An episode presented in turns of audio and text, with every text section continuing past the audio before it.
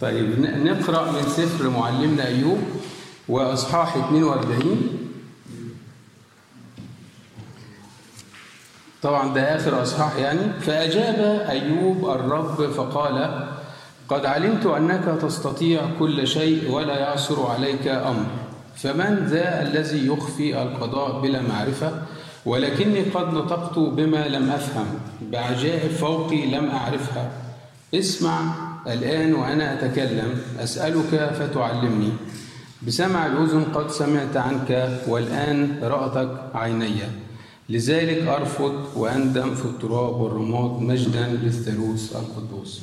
لازلنا مع معلمنا أيوب والأصحاح ال 42 ده بيكلمنا عن إزاي ربنا في النهاية بارك حياة أيوب. طبعا سفر أيوب زي ما اتكلم أخونا دكتور مينا المرة اللي فاتت بيكلمنا عن فلسفة الألم. لماذا يتألم الإنسان البار؟ فلسفة الألم. لماذا يتألم الإنسان البار؟ يعني بادئ زي بدء كده إحنا عندنا عشر أصحاحات طبعا الوقت مش هيكفي عشان نغطي العشر أصحاحات لكن بقدر الإمكان عايزين بنعمة ربنا نلف حوالين الموضوع بما يعني يدينا شوية كده نلقي الضوء على بعض الشخصيات اللي موجودة في سفر أيوب. بما يعني يساعدنا إن إحنا نقدر نفهم لأنه السفر دسم والكلمة عميقة وهو الكتاب يعني كتاب أيوب أو سفر أيوب اتكتب بلغة شعرية. علشان كده يعني هو صعب شوية من حيث اللغة لكن فيه طبعا فايدة عميقة لينا كلنا يعني. لو حبينا كده نقسم السفر خط كده آه، طولي كده هنقول إن الأصحاح الأول والأصحاح الثاني التجربة بتاعه أيوب. كل البلايا والكوارث اللي حصلت على أيوب. ده في الأصحاح الأول والثاني.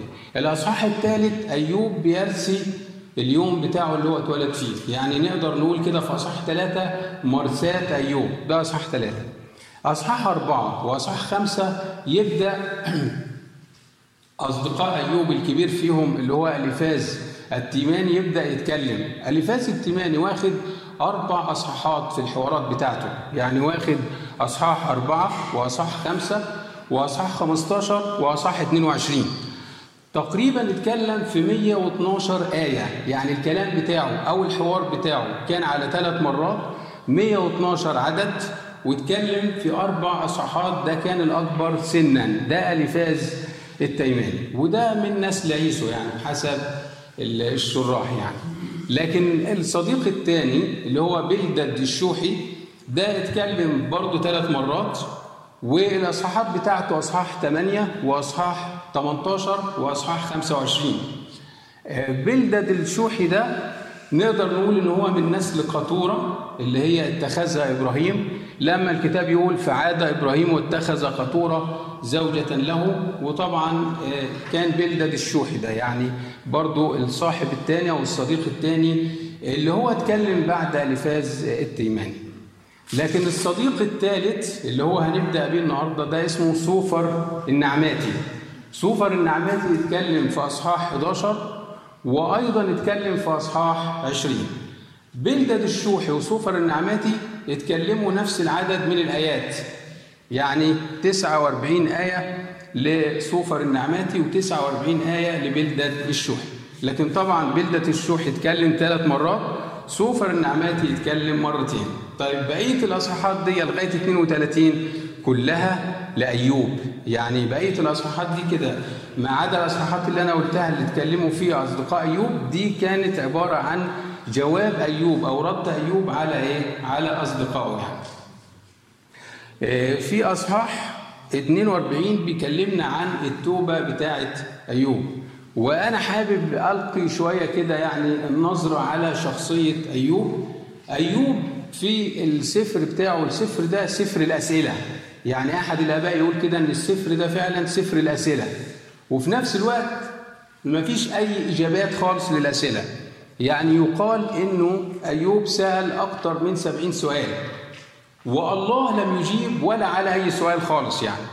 ومن ناحية ربنا ربنا في الإصحاحات من 37 لغاية 41 سأل 14 سؤال وأيوب ما عرفش يجاوب ولا على سؤال واحد. فهو السفر ده سفر الأسئلة لكن في نفس الوقت ما كانش فيه إجابات.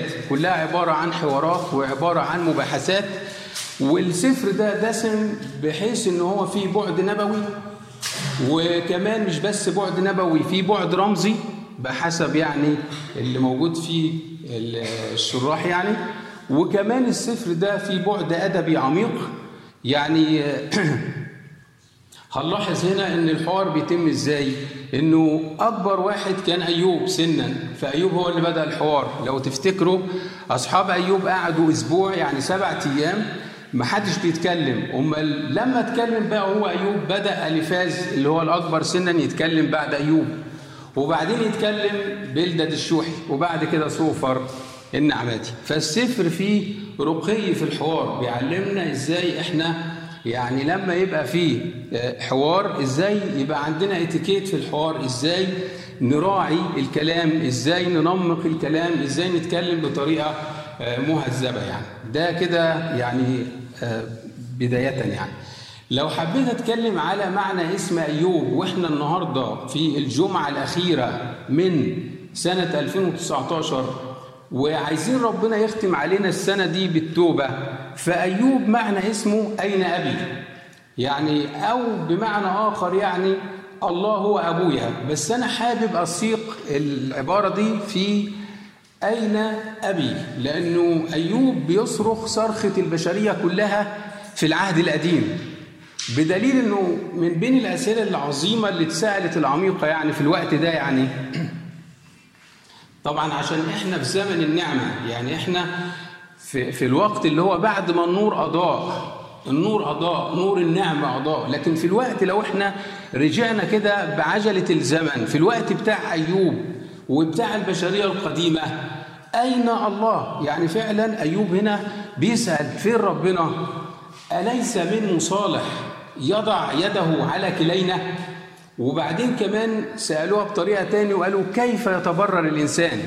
ده كان عذاب رهيب التفكير اللي كانوا هم إيه منحصرين فيه. فين ربنا؟ أنا مش شايف مش بس يعني في وسط الألم لكن كان ربنا مش معلن زي دلوقتي. زي الحق اللي إحنا فيه دلوقتي زمن النعمة اللي إحنا فيه دلوقتي علشان كده أيوب بيمثل البشرية كلها وكأن البشرية كلها بتئن أين أين أبي؟ ده بيدينا إحنا في نهاية السنة يعني تحريض كده وبيدينا كده يعني شجاعة إن إحنا ناخد نفس هذا المنحى نتوب مع أيوب. إذا كان أيوب تاب لربنا وما كانش عنده الإعلان الكامل إحنا بالأولى أجدر بينا إن إحنا نعود لربنا نتوب ونقدم توبة وإحنا في آخر إيه؟ في آخر السنة. يعني يعجبني كده الابن الشاطر لما قال أقوم أعود إلى أبي. أين أبي؟ أقوم أعود إلى أبي. طيب وأقول له أخطأت إلى السماء وقدامك. فالتوبة لينا مهمة ونافعة وصالحة. ليه؟ لأنه من غير توبة لن يستعلن الابن فينا. من غير توبة يعني مش هنقدر إن إحنا نعاين مجد الابن. الرب يسوع المسيح مش هيحل في مزود حياتنا أو في قلبنا غير بالتوبة الحقيقية. يعني التوبة؟ التوبة الصادقة إن إحنا نرجع لربنا ونقول له أنت أبويا. ربما في أمور كثيره اتخذناها حاولنا بيها إن إحنا نرضي ضميرنا أو نرضي حياتنا أو حاولنا إن إحنا نبطل بيها التبكيت أو يعني نقاوم بيها صوت ربنا. لكن علينا النهارده فعلا وإحنا في نهاية السنة لأنه دي نعمة كبيرة إن ربنا يختم علينا السنة كده وإحنا قدام كلمته إن إحنا نتوب. فتوبوا وارجعوا لتمحى خطاياكم. فالسفر بيكلمني عن التوبة. يقول كده أحد الناس يعني قول جميل يعني لتكن التوبة صديقة لك حتى إلى القبر. يعني كويس إن الواحد فينا يخلي التوبة الأنتيم بتاعه. تبقى التوبة كده انجز التوبة كده وأمشي بيها. وأنا في الشارع تايب وأنا في الشغل تايب. فكري مع ربنا قلبي مع ربنا. فالسفر بيحرضني عن على بيحرضني على التوبة. أين أبي؟ ده أيوب يعني. عايز من خلال الورق اللي إحنا وزعناه على حضراتكم أبدأ أتكلم على ألفاز التيماني وبلدد الشوحي وصوفر النعماتي. ألفاز التيماني ده اتهم أيوب بإنه بيتألم لأنه أخطأ. وبيقول لأيوب عشان أنت غلطت وعشان اخطائك وعشان إنجاز التعبير ربنا يسامحنا عمايلك السودة فربنا جاب لك كده. زي ما إحنا دلوقتي أحيانا في ضعفنا يعني يجي كده على فكرنا أو على ذهننا لما نشوف حد متألم آه أصله حتى لو ما قلناهاش باللسان بنعمل إيه؟ لو ما قلناهاش باللسان بنقولها في ذهننا. لولا عمايله السودة ما كانش حصل له كده. أصله ربنا عادل. ده الفاز التيماني. وإنجاز التعبير الفاز التيماني ده الأكبر إلى حد ما عنده ذوق شوية في كلامه. لكن كل ما نمشي هنلاقي القسوة في الإدانة والقسوة في الحوار يعني. فالفاز التيماني بينصح أيوب ان هو يرجع لربنا يعترف بخطاياك عشان ربنا يرفع عنك اللي أنت فيه. فهو بيقول إن أيوب أو البار ده بيتألم أيوب علشان خاطر خطاياه ودي كانت المشكلة الكبيرة. هم فاقدين للرؤية أو للنظرة الصحيحة.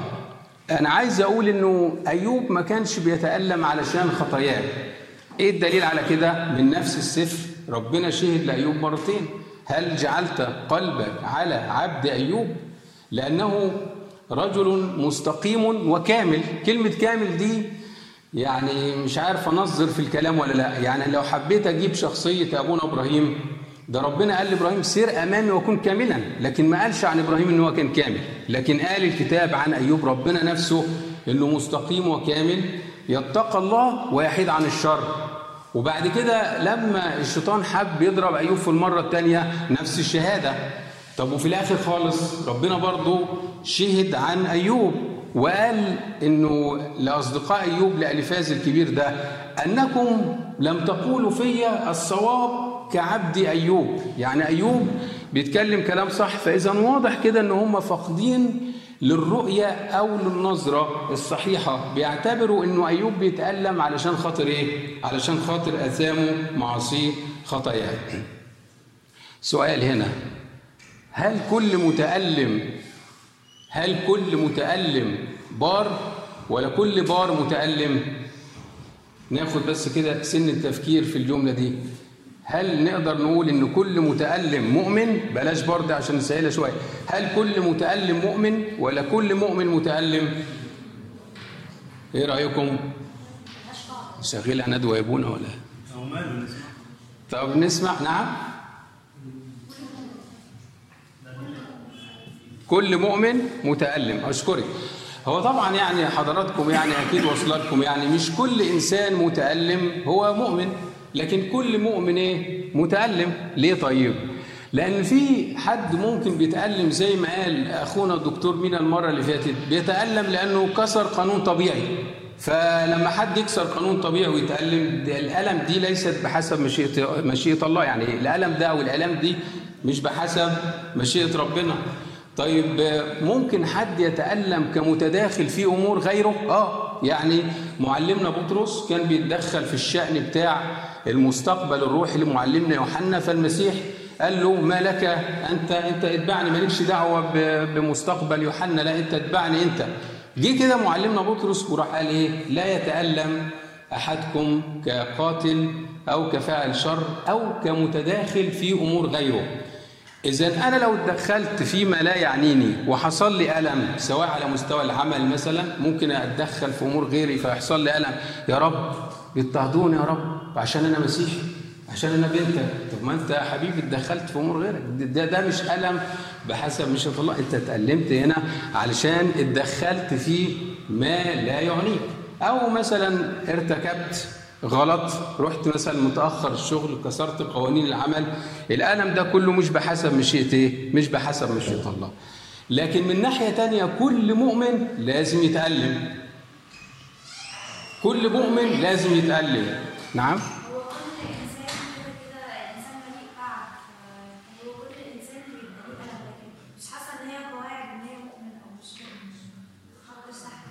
تمام. بس هنا امتياز الألام بتاعة المؤمن أنا موافقك طبعا. امتياز الألام بتاعة المؤمن إنها تحسب له مجد إن كنا نتألم معه يعني مع المسيح. هل أهل العالم أو الإنسان الجسداني بيتألم مع المسيح أو من خلال المسيح؟ لا. طب إيه اللي بيحصل؟ بالنسبة لينا كمؤمنين الألام دي بتؤول إلى مجد. إن كنا نتألم معه لكي نتمجد أيضا. معه. خفة ضيقتنا الوقتية. تنشئ لنا أكثر فأكثر ثقل مجد إيه؟ أبدي. موهوب لكم لا أن تؤمنوا به فقط بل أن تتعلموا أيضا من أجل اسمه. معلش اقطع الحديث معلش عشان في عربية محتاجين يحركوها بره في عربية يا جماعة محتاجين يحركوها بره نمرها ي لام س 53 61 ي لام س 53 61 مش عندنا بس. اللي أنا عايز أقوله إنه جميع الذين يريدون أن يعيشوا بالتقوى في المسيح يسوع يضطهدون. إذا الآلام دي دليل على إن أنا ماشي صح بس بشرط إن الآلام دي تبقى لأجل اسم المسيح ما تبقاش آلام للأسباب التانية اللي إحنا قلناها. فهنا مش معنى أيوب إن هو اتألم إن هو كان اتألم بسبب خطايا أو بسبب آثام أو بسبب معاصي. مش كده أبدا على فكرة يعني. تمام؟ لما نكلم نكمل مع ألفاز التيماني هنقول بص بقى بيقول لأيوب إيه؟ كلام صعب. اذكر من هلك وهو بريء. يعني مين كده يبقى بريء؟ وقول لي كده مثال واحد. مين كان بريء وهلك؟ وأين أبيد المستقيمون؟ يعني عايز يقول له لولا إنك أنت آسف يعني مش مستقيم. ولولا إنك أنت يعني مذنب ما كانش ربنا حط عليك كل هذه التجارب. ده في الورق اللي في الأول يعني. تعالوا نكمل كده نلاقي الفاز التيماني بنى النصيحة بتاعته لأيوب على الخبرة على المعرفة المباشرة الواثقة. فبيتكلم من خلال من واقع خبرته الشخصية ومن خلال خبرة السنين والحياة. لأن هو بيعتبر نفسه هو الكبير في السن يعني. بص بقى بيقول برضو الأيوب من بين الآيات إيه؟ كما قد رأيت أن الحارسين إثما. يعني اللي بيحرث اسم عارفين لما يجي الفلاح ويحرث الأرض ويزرعها كده؟ والزارعين شقاوة يحصدونها. وطبعا ده في المطلق صح الكلام ده. ليه؟ لأنه في زرع وفي حصاد. يعني آه لازم بيبقى في حصاد للإنسان اللي بيزرع يعني تمام؟ فهو بيقول له أنت بتحصد علشان أنت زرعت شقاوة عشان أنت عملت أثام وخطايا بس الكلام ده في المطلق كمبدأ صح إنما لا ينطبق هنا على إيه؟ لا ينطبق هنا على الحالة بتاعت أيوب. وعشان كده ربنا طبعا حمي غضبه على أصدقاء أيوب الثلاثة لأنه إحنا قلنا صرفوا دواء ما كانش في الوقت المناسب ولا مع الحالة المناسبة. أحيانا ممكن يبقى الكلام يعني أحد الفراعنة يقول كده أن الحديث أصعب من أي شيء. يعني الكلام بياخد كذا زاوية والكلام بيحمل كذا معنى. الكلام محتاج إلى حكمة إلهية. الكلام الكلام ده يعني من أصعب ما يكون. ممكن أنا أقول كلمة واحدة أقلب بها الدنيا كلها وممكن أقول كلمة واحدة أعدل بها الأمور كلها. فعشان كده الرب قال بكلامك تتبرر بكلامك إيه؟ تدان. ويقول كده داود ضع حارسا على شفتي. يعني خلي فم ده يا رب حط عليه كده إيه؟ قبل ما أتكلم أخد بالي خالص لأنه الكلام ده من أخطر ما يكون. فتخيلوا كلام صح يعني زي ما بيقولوا كده كلمة حق ولكن أريد بها باطل. يعني الكلام كويس بتاع اللي فاز في الظاهر كده كلام إيه؟ كلام كويس. في واحدة كده قالت لي مش عارف قابلت حماتها يعني وبعد كده إيه وكل ما تقابل حماتها تقول Κύριε ελέησον Κύριε ελέησον. فحماتها إيه اتجننت منها لأن حاسة إن هي بتعمل إيه بترمي عليها الكلام يعني. فبعدين بتقول هي الكلمة دي يا رب ارحم يا رب ارحم. غلط؟ لا الكلمة مش غلط بس حسب بقى نيتك. لو أنت قاصدة بيها إنك أنت تنرفزي حماتك لا يبقى حسب بقى نيتك. ما هو الكلمة صح ما هو الفاس بيتكلم صح بس إيه بس الكلمة مش في وقتها. أحيانا إحنا بنعمل كده. عارف تسمعوا كده يقول لك بيرمي الكلام أو الكلام ليك يا جارتي. فعلينا فعلا إن إحنا ننتبه لكلامنا يعني. هنحاول نتكلم مرة تاني برضو عن خطورة اللسان بحسب ما ربنا يدينا من وقت يعني. هنا الفاز اتكلم ثلاث حوارات بأربع صحات زي ما إحنا قلنا. ناخد من اقواله بص بيقول كلام حلو خالص أهو. بيقول إيه؟ الإنسان أبر من الله. أم الرجل أطهر من خالقه؟ هوذا عبيده لا يأتمنهم وإلى ملائكته ينسب حماقة. وبعدين بيقول عن ربنا إيه؟ الفاعل عظائم لا تفحص وعجائب لا تعد. وبيقول لأيوب إيه؟ إن فمك يستذنبك لا أنا وشفتاك تشهدان عليك. طب بالأمانة كده قدام ربنا واحد فيه كل البلاوي اللي حصلت دي وأروح أقول له أنت فمك بيشهد عليك ولا ده عايز كلمة طيبة؟ عايز واحد مجروح كده وتعبان كده يعني متأذي نفسيا وعياله ماتوا عشرة ومراته كمان عمالة تكلمه بطريقة أنا غيظان مراته دي خالص يعني. عمالة تكلمه بطريقة إيه؟ بطريقة موجعة جدا يعني. آه يعني تقول له آه، جدف على الله. جد هو الراجل طيب يعني آسف ناقصك يعني. أنت بدل ما أنت معينه نظير وإحنا لسه بنتكلم يعني. إنك أنت تقولي له معلش طيب آه، يعني ده حتى يعني كإنسان تعزيه أمه يعني معروف إن الست كده أو البنت أو الأم يعني مصدر كده للعواطف النبيلة يعني تطبطب عليه وتقول له كده معلش. شكل أنا يا أبونا مش هروح سليم. لا هم بس هيدوروا على موبايل المدام.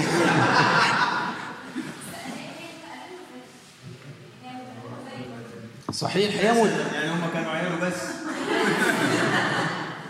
هي فعلا متألمة زيه علشان أولادها برضو وعلشان جوزها يعني شايفاه بالطريقة دي اللي حصلت يعني. لكن هل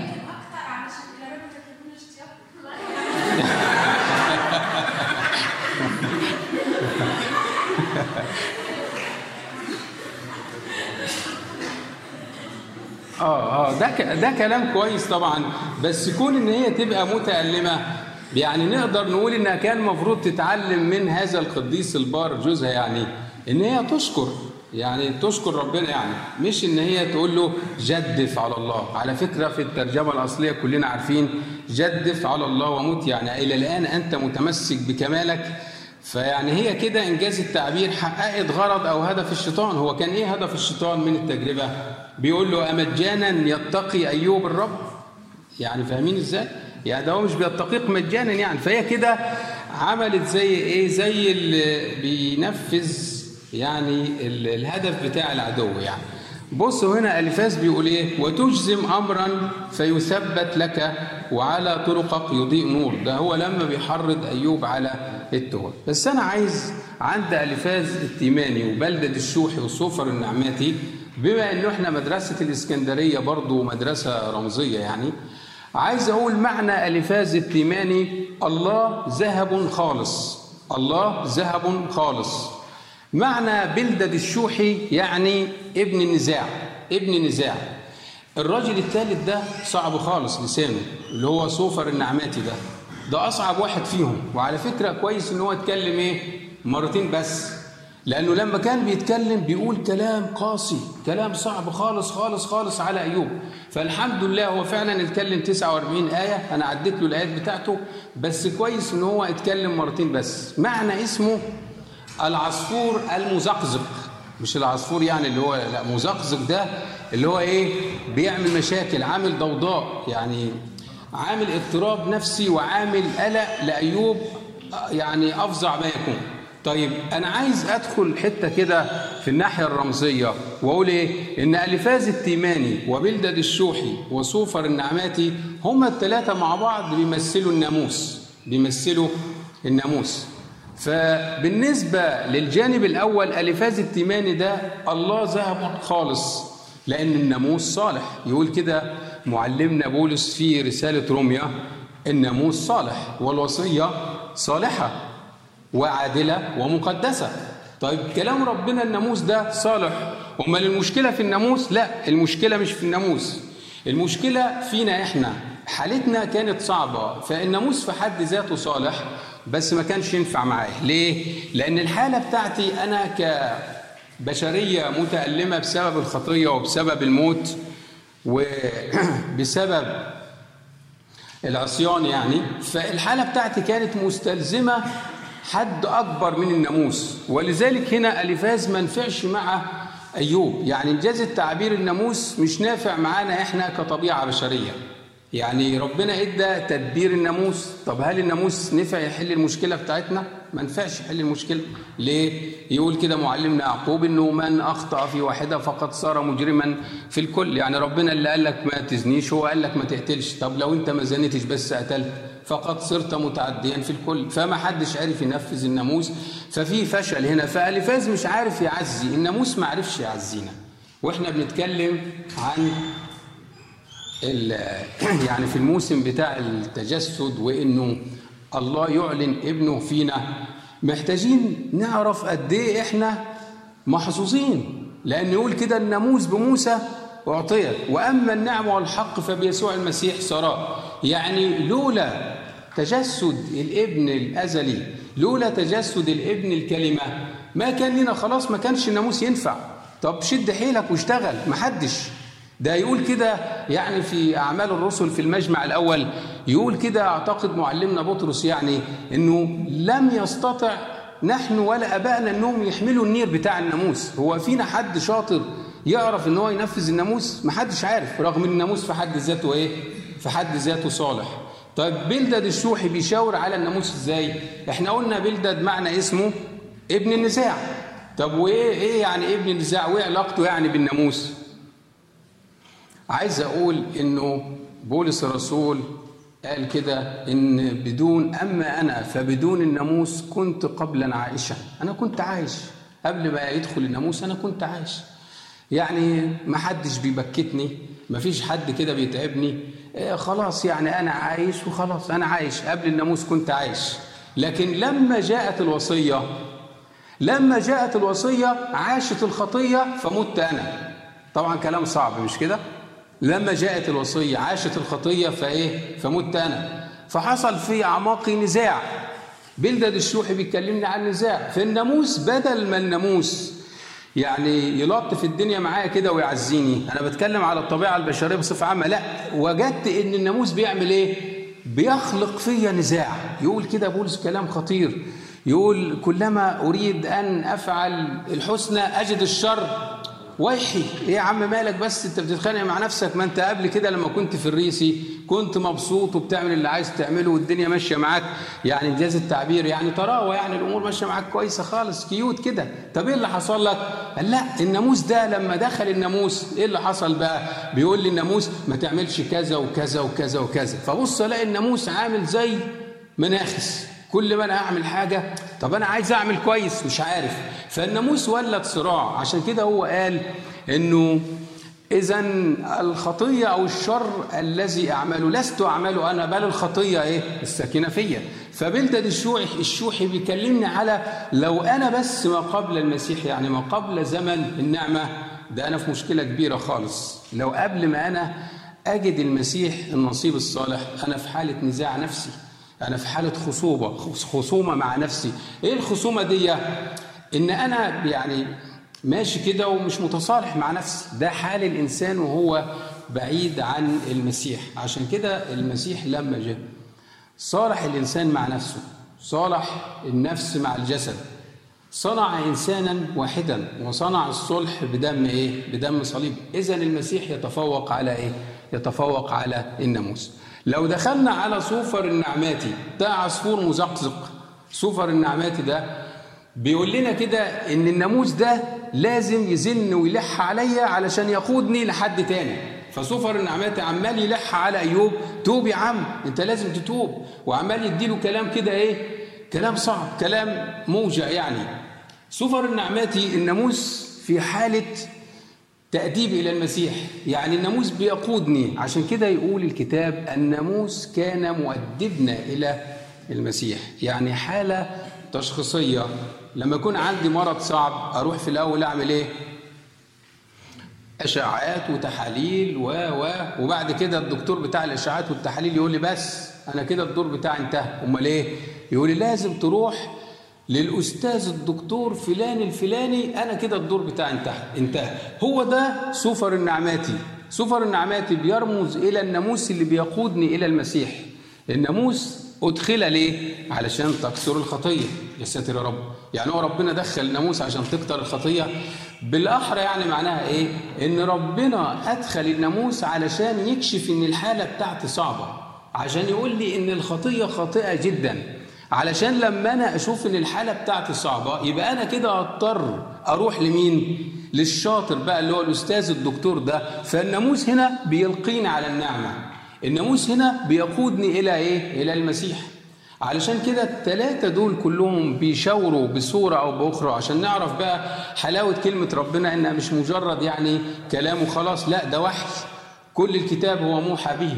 يعني طالما الكتاب ده بوحي من الروح القدس إذا حتى لو كانت الكلمات تبدو إنها كلمات أشخاص لكن كأنها حديد مسها النار فتحولت إلى نار. فالكلام ده هو كلام ربنا كلام موحى به من عند الله. صورة رمزية خطيرة إلى أنه الثلاثة دول ما نفعوش يعزوا مين؟ ما نفعوش يعزوا أيوب اللي هو بيمثل البشرية اللي بتصرخ تريد الخلاص. لكن ده بيقودنا إلى إيه؟ بيقودنا إلى المسيح. طيب سؤال بقى عشان أنا اتكلمت كتير. مين المسيح هنا في السفر بتاعنا؟ أو بالأحرى مين اللي بيرمز للمسيح؟ مين؟ مين اللي بيرمز للمسيح هنا في سفر أيوب؟ اللي بيرمز للمسيح هنا. هو الثلاثة دول مش كان معاهم في واحد رابع؟ اللي هو مين؟ أليهو. أليهو ابن برخئيل البوزي أليهو ده هنا بيرمز إلى المسيح يعني بيرمز إلى الوسيط. يوجد وسيط واحد بين الإنسان وبين الله الإنسان يسوع المسيح. فأليهو ابن برخئيل البوزي هو يعني بصورة قريبة أو بعيدة بيرمز إلى الرب يسوع اللي هو الوسيط. علشان كده أليه ده هو اللي قال كلام كده يعني مش عارف حابب بس أقول هنلاقيه في أصحاح يبدأ كلامه في أصحاح 32 أليه ابن برخئيل البوزي طيب اخد من أصحاح 33 ما يشير إلى تجسد يعني إنجاز التعبير أو إن هو بيرمز للرب يسوع. بص بقى في الآية 6 بيقول إيه؟ بيقول أليه لأيوب في أيوب 33 والعدد 6 يعني. ها أنا ذا حسب قولك عوضا عن الله. هو مين ده اللي يبقى عوضا عن الله ده؟ مين ده اللي يبقى عوضا عن الله؟ مين؟ الوسيط. طب مين الوسيط؟ مين اللي يقدر يبقى عوضا عن الله؟ مين اللي يبقى وسيط؟ هو الرب يسوع المسيح. فبيقول أنا حسب قولك عوضا عن الله. أنا أيضا من الطين تقرصت. يعني من الطين تقرصت دي؟ دي بالظبط كده بتشير إلى فيليب اتنين إنه الذي إذ كان في صورة الله لم يحسب خلسة أن يكون معادلا لله لكنه إيه؟ أخلى نفسه. أخذا صورة عبد صائرا في شبه الناس وإذ وجد في الهيئة كإنسان وضع نفسه وأطاع حتى الموت موت الصليب. هو ده الميلاد هو ده التجسد. بدليل إيه؟ لما يكمل الكلام يقول إيه؟ هو ذا هيبتي لا ترهبك وجلالي لا يثقل عليك. طب المسيح لما أتى إلينا افتقر وهو الغني. لما أخلى ذاته وصل إلينا كان يأكل مع العشرين والخطاة. المسيح كان وسطينا كده بيجول يصنع خيرا. هل كان حد بيخاف؟ هل كان حد بيخاف أو بيترعب؟ لا طبعا لأن هو أخفى لاهوته في في حجاب ناسوته ده كده كناحية رمزية بالنسبة لدول. أما أيوب يعني لو تكملة للكلام القصة اللي إحنا قلناها فأيوب ده طبعا بيشير إلى الطبيعة البشرية المتألمة نتيجة إيه؟ نتيجة عدم استعلان الله ليها. ولذلك إحنا علينا إنه إحنا فعلا نشكر ربنا ان وصل إلينا الاعلان كامل ونطلب فعلا من الله الآب إن هو يعلن ابنه فينا. ده كده بالنسبة لالفاس طيب بلدد الشوحي رجع الألم في الورقة الأولى برضه. رجع الألم بتاع أيوب على إنه أيوب لم يقر بذنبه. انتقد أيوب بيقول له إيه؟ إلى متى تظل تلغو بهذه الأقوال؟ يعني أنت لسه قاعد كده عمال تدافع عن نفسك وعمال كده تتكلم يعني مش مقتنع مش عايز تقتنع باللي إحنا بنقوله لك. طبعا أيوب شخصية قوية خالص. وده بيديني أنا درس يعني إنه لازم أتمسك بالحق واللي يحكم على الحق فيا هو كلمة ربنا لازم أتمسك بالحق. فهنا أيوب لو كان باع القضية كان كده يعمل إيه؟ كان هيستذنب حاشا لله ربنا يعني. ليه؟ لأنه أيوب مقتنع تماما إن ربنا مش بيعمل معانا كده. التعامل بتاع ربنا الله صالح الله خير الله مش بيجازينا بحسب أعمالنا. ده أكتر حاجة يعني ربنا بطيء فيها الغضب.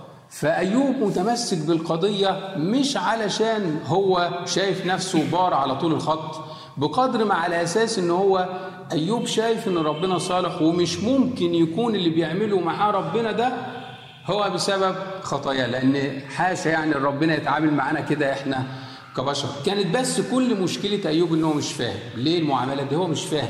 لكن متأكد إن ربنا مش بيتعامل معاه على أساس انت غلطت يبقى زي الناموس لا ربنا ما كانش بيتعامل معاه كده. ولذلك أيوب هنا دافع عن نفسه.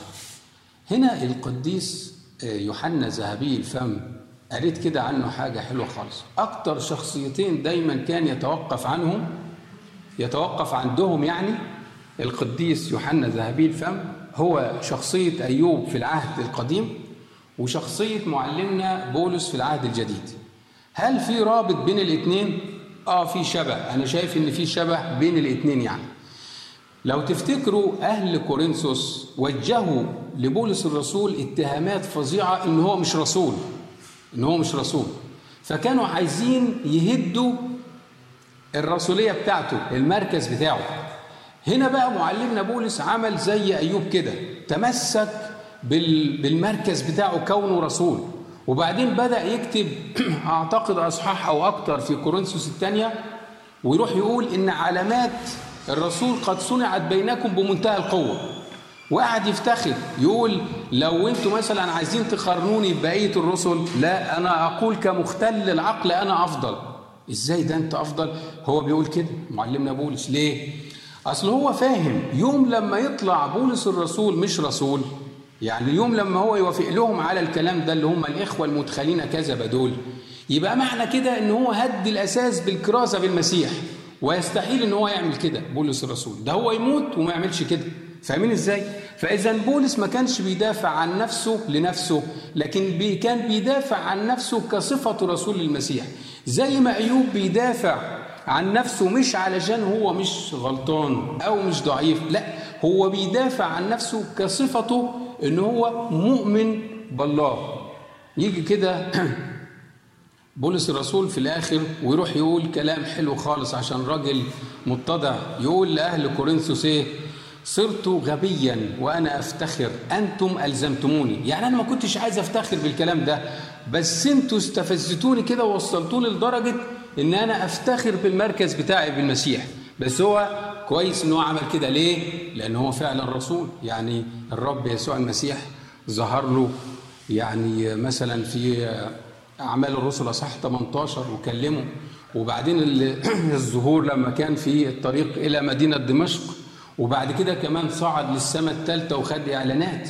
وبعدين كاتب يعني أصحاحات كتيرة خالص من العهد الجديد فإزاي أنت يعني يا مواطن بتاع كورنثوس كده إنك أنت عايز تهد المركز الرسولي أو المقام بتاعه؟ ده بيعلمنا درس إن إحنا نتمسك بمقامنا في المسيح بمنتهى الاتضاع نتمسك بامتيازنا في المسيح وحقنا.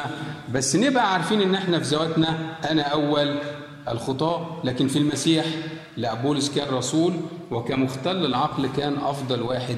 فيهم. هنا بقى ده السبب اللي خلى أيوب متمسك بأن هو يقاوم أصحابه. على فكرة يا جماعة أيوب قدر إزاي الشخصية العظيمة القوية آسف يعني يفحم الثلاثه ويخليهم يسكتوا. يعني يقول لك في أيوب 32 إنه لما أصحاب أيوب الثلاثه ما قدروش سكتوا ليه؟ لكونهم شافوا إن أيوب بار في عينين نفسه. لكن كمان أليه ابن برخائيل البوزي يقول حمي غضب أليه ابن برخائيل البوزي على ألفاز وعلى بلدد وعلى صفر لكونهم لم يستطيعوا أن يجيبوا أيوب. مش عارفين يجاوبوا على الأسئلة بتاعت أيوب أو مش عارفين يردوا عليه أو يقنعوه. تخيلوا أنه أيوب يقنع الثلاثة ودي بقى هنا الروح النبوية.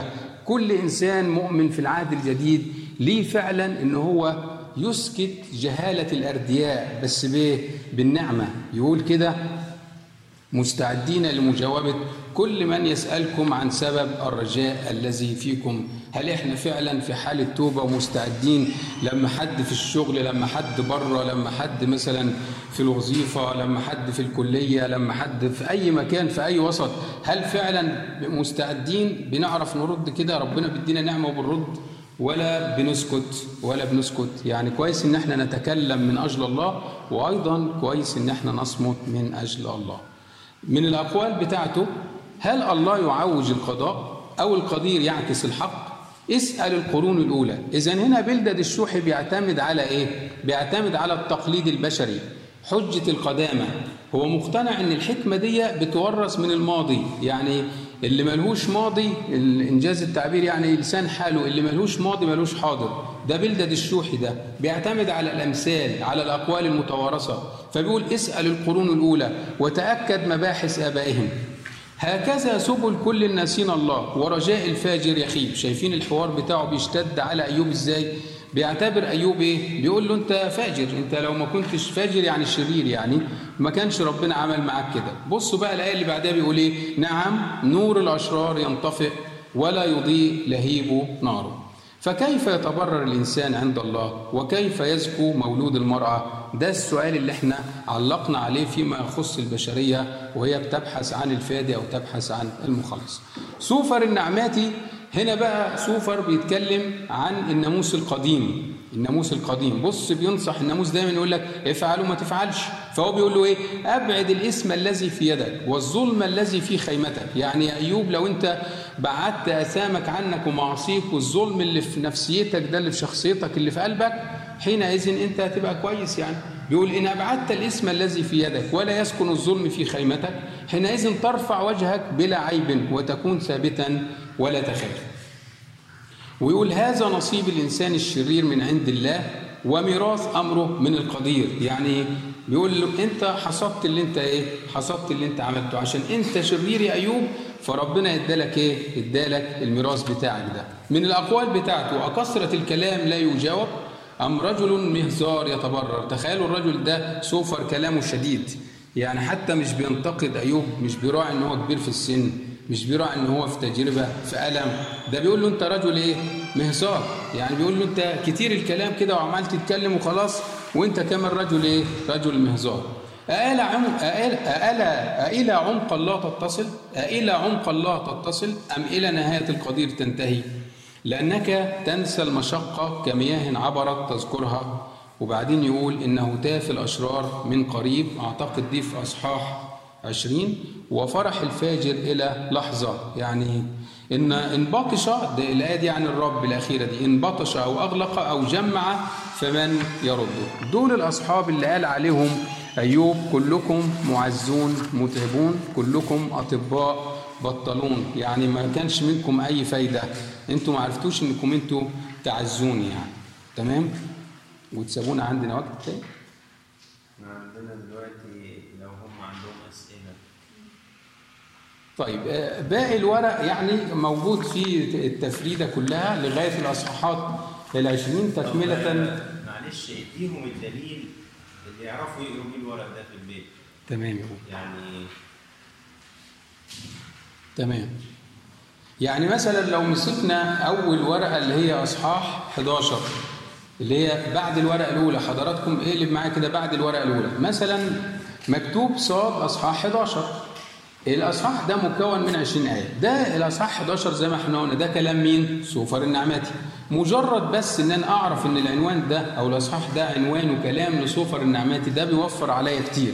طب إيه الثلاث عناوين الرئيسية في الأصحاح؟ اللي هي إيه؟ يعني المحتوى بتاع أصحاح 11 ده. واحد سوفر النعماتي بيتهم أيوب. بالذنب. يعني سوفر عمال يقول لأيوب أنت مذنب يعني. بدليل بيقول له إيه؟ أكثرة الكلام لا يجاوب. أم رجل مهزار يتبرر؟ أصلفك يعني كبريائك يفحم الناس أم تلخ؟ تلخ يعني بتسخر. وليس من يخزيك. محدش عارف كده يعني يخليك تسكت يعني. وبعدين بيقول بيقول له كده كمان إيه؟ بيقول له ده لو ربنا ظهر لك كده هتعرف إن ربنا بيعمل إيه؟ إن ربنا بيغرمك بأقل من اسمك. تخيلوا كلام صوفر كلام شديد خالص يعني. فإذا ده كده آه، من الايات من واحد لست. لو خدنا العمود الثاني في نفس إصحاح 11 بيكلمني عن عظمة قدرة الله وحكمته. يبدأ هنا صوفر يتكلم بقى عن ربنا وعن عظمة ربنا وعن حكمته. في الأعداد من 7 لغاية 12 فمثلا أإلى عمق الله تتصل؟ أم إلى نهاية القدير تنتهي؟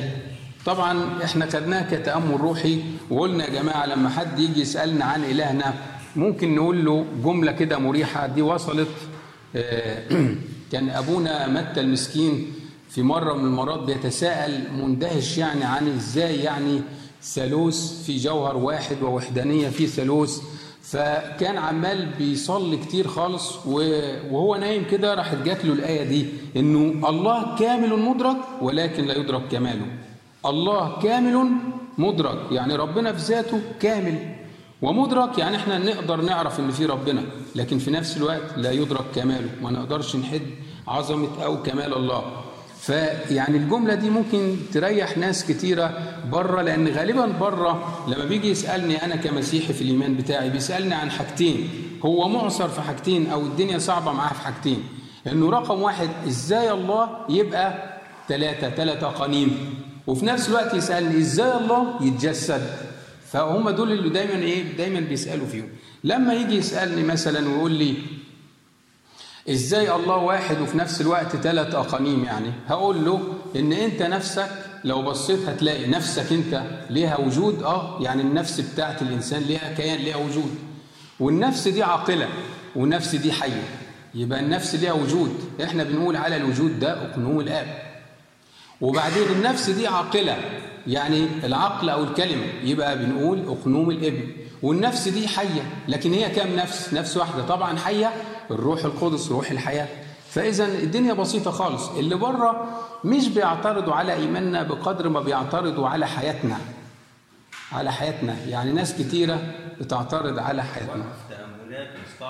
حاضر يا ابونا حاضر يا ابونا طيب هنا أصل أنا هدي المثال ده بس وخلاص الورقة الأولى والباقي هيبقى تيبيكال يعني نفس الطريقة يعني على نفس المنوال فالعمود الثالث سوفر بيطلب من أيوب التوبة يعني هنلاقيها الأعداد من 13 ل 20 وهكذا لو مثلا فرينا الورقة اللي بعد اللي بعديها طبعا هيبدأ أيوب يجاوب على مين؟ على سوفر لأن إحنا قلنا الاصح السفر كله حوارات يعني حوارات تمام؟ فاصحاح 12 هنا 25 آية أيوب بيجاوب يعني طب إيه العناوين الرئيسيه؟ احتقان أيوب على أصحابه، يعني هم استفزوا انجاز التعبير أيوب بحيث إنه يخلوه يحتقن يعني عليهم. طيب من 7 ل 12 أيوب بيوصف قوة ربنا. طب من 13 ل 25 حكمة وقدرة وسلطان الله أيوب بيتكلم عن حكمة الله وعن قدرته وعن سلطانه وهكذا لو خدنا 13 و14 برضه هيبقى كلام لأيوب تمام؟ أيوب بيوبخ أصحابه بس ده التوبيخ الثاني وبعدين يبدأ أيوب بقى يعاتب على ربنا. بيعاتب على إيه؟ بيعاتب على ربنا. على فكرة لما أيوب تضايق من أصحابه بدأ يلجأ إلى الله بدأ يوجه كلامه لربنا. طيب آه، أصحاح 14 الآية اللي بعديها هنا نهاية رد أيوب على سوفر. نهاية رد أيوب على سوفر.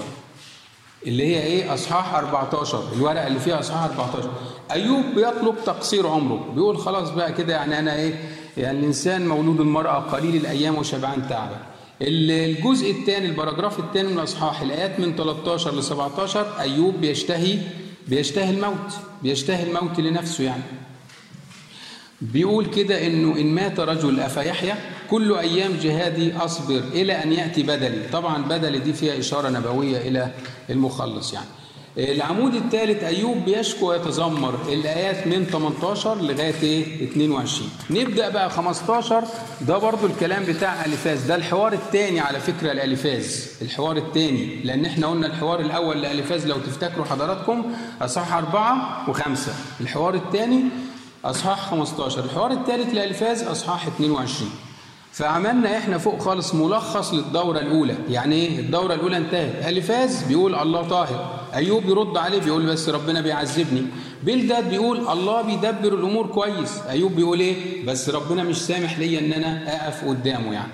ويبدأ بعد كده بقى سوفر يتهم أيوب بالبر الذاتي. وبعد كده بقى في حاجة إلى التذلل لله. وبعد كده دينونة إيه؟ دينونة الأشرار يعني ألفاس بيتكلم على دينونة الأشرار وطبعا هو آسف يعني بيرمي الكلام على إيه؟ على أيوب. الورقة اللي بعديها أصحاح 16 و17 ده كان جواب أيوب على أليفاز لأنه أليفاز اتكلم في أصحاح 15 فهنا أيوب بيرفع إيه؟ بيرفع مرساه بس في نفسه في وقت المرساه في رجاء في رجاء أيوب كده بيتكلم والكلام بتاعه إيه؟ في نوع من الرجاء يعني تمام؟ في الآيات بقى اللي هي أصحاح 17 ده 16 عدد الرجاء في الوسيط إيه؟ الإلهي الرجاء يعني هنا أيوب عنده رجاء إنه لازم هيبقى فيه وسيط إيه؟ وسيط إلهي يعني بيقول كن ضامني عند نفسك من هو الذي يصفق يدي في الورقة اللي بعدين هنلاقي 18 طبعا ده الأصحاح بتاع مين؟ بلدد الشوحي إحنا قلنا بلدد الأصحاحات بتاعته 8 و18 و25 أهو هنا أصحاح 18 آه، عدد الآيات بتاعته 21 آية. جواب بلدد. صورة مرة للدمار اللي حاصل يعني. فبلدد بقى طبعا بيزود الكلام على أيوب وبيبدأ يقول إنه أيوب ده يعني إيه بيفترس نفسه في الغيظ بتاعه يعني. ويبدأ يقول ده نور الأشرار هينطفي ولا يضيء لهيب ناره وهكذا يعني. فبلدد بينتهر أيوب وبعدين الجزء الثاني من الأصحاح بيكلمني عن المصائب والضربات التي تلاحق الأشرار. طبعا كل ده حاصل للأشرار بس في مطلق الكلام يعني مش منطبق على حالة إيه؟ على حالة أيوب. آخر ورقة هنوصل طبعا لأصحاح إيه؟ أصحاح 19 و20 أصحاح 19 هنا أيوب بيرد على بلدد على بلدد الشوحي. فبيقول هل الله عدوي؟ ده هو رجائي الوحيد. إزاي يبقى عدوي يعني؟ تمام؟ وبعد كده يقول أيوب لربنا إيه؟ لماذا تطاردني؟ آسف بيقول ل- ل- لأصحابه لماذا تطاردونني كما الله ولا تشبعون من لحمي؟ يعني أنتوا طب ربنا بيطاردني طب هو ينفع يطاردني؟ لأنه هو حكيم لأنه هو عظيم. طب أنتوا كمان بتطاردوني بدل ما تعزوني؟ بيقول كده يعني. في أصحاح 20 طبعا سوفر النعماتي زي ما إحنا قلنا ليه اصحاحين بس ب 49 آية. أصحاح آه، 11 وأصحاح 20 تمام؟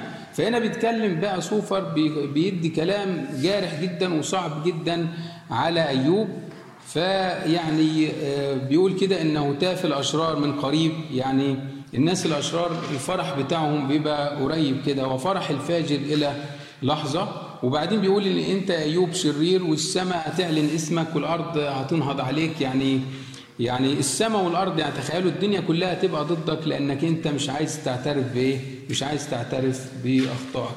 وبيقول هذا نصيب الإنسان الشرير من عند الرب وميراث أمره من القدير. صح كلامك يا سفر لكن زي ما إحنا بنأكد لا ينطبق على أيوب وللأسف يعني في ناس كتيرة في الوعظ بتاعها برضو بتيجي على أيوب لغاية النهارده ويعتبروا إنه أيوب مصاب كان بالبر الذاتي مع إنه الكتاب وضح على لسان أليهو إن أيوب لما ربنا دخله في التجربة علشان التأديب وعلشان يمجده وعلشان ياخدوا مثال للبشرية كلها زي ما بيقول معلمنا يعقوب قد سمعتم بصبر أيوب ورأيتم عاقبة الرب لالهنا المجد الدائم ابديا. آمين.